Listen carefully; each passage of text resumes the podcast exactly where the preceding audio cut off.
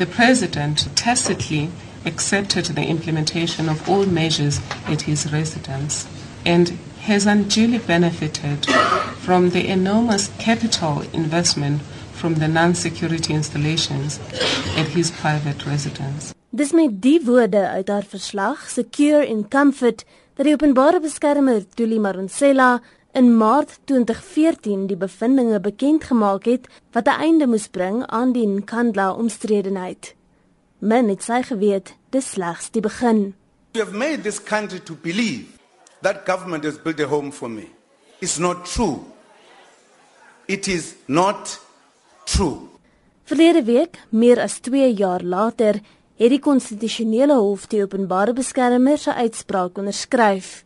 In die tussentyd is Suid-Afrikaners egter gebombardeer met teenstrydige bevindinds, meestal deur entiteite soos die Ministerie van Polisie en die spesiale ondersoekeenheid wat deur die president self aangestel is. The Rikandla report is being processed. Is going to come. I mean, three investigations have been made. President Zuma se aanvanklike reaksie was dat Marinsela se bevindinge eenvoudig nie bindend is nie. Recommendations are recommendations, subject to be taken or not taken if there are recommendations.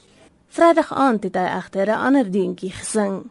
I would like to emphasize that it was never my intention not to comply with the remedial action taken against me by the public protector or to disrespect her office.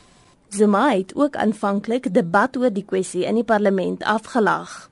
If you listen to our good friends, the opposition, hey, hey, even if we are discussing very serious matters, a man stand up, point of order. Yes, Nkandla. Tix was a George Cook.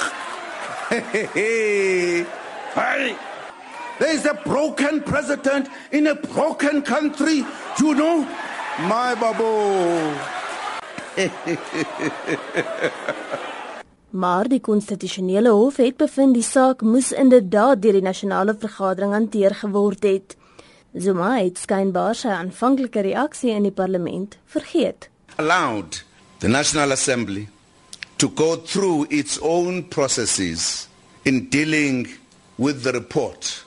Zuma het ook Vrydag aand gesê hy het van begins af gesê hy sal 'n gedeelte van die geld terugbetaal.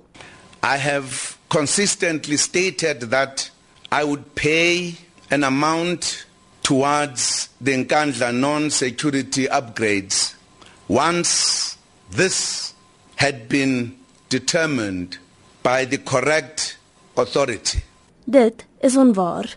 My residence in Nkandla has been paid for by the Zuma family. Zuma het eers 2 maande terug toe die onweerswolke rondom 'n konstitusionele hofsaak begin saampak in 'n verklaring aangebied om 'n porsie van die geld terug te betaal. The statement came through from the presidency late Tuesday night. In short, Jacob Zuma is offering to pay back some of the money.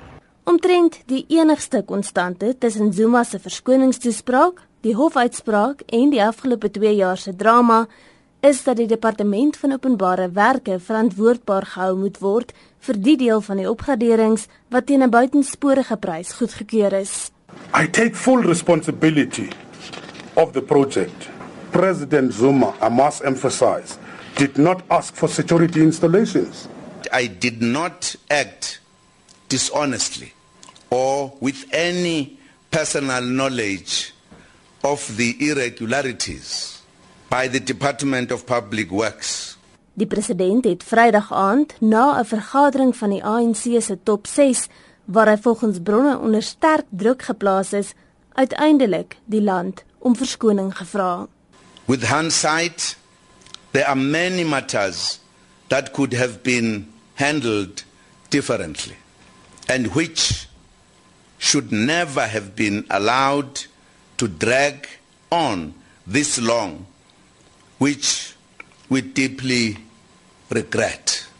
The matter has caused a lot of frustration and confusion for which I apologize on my behalf and on behalf of government.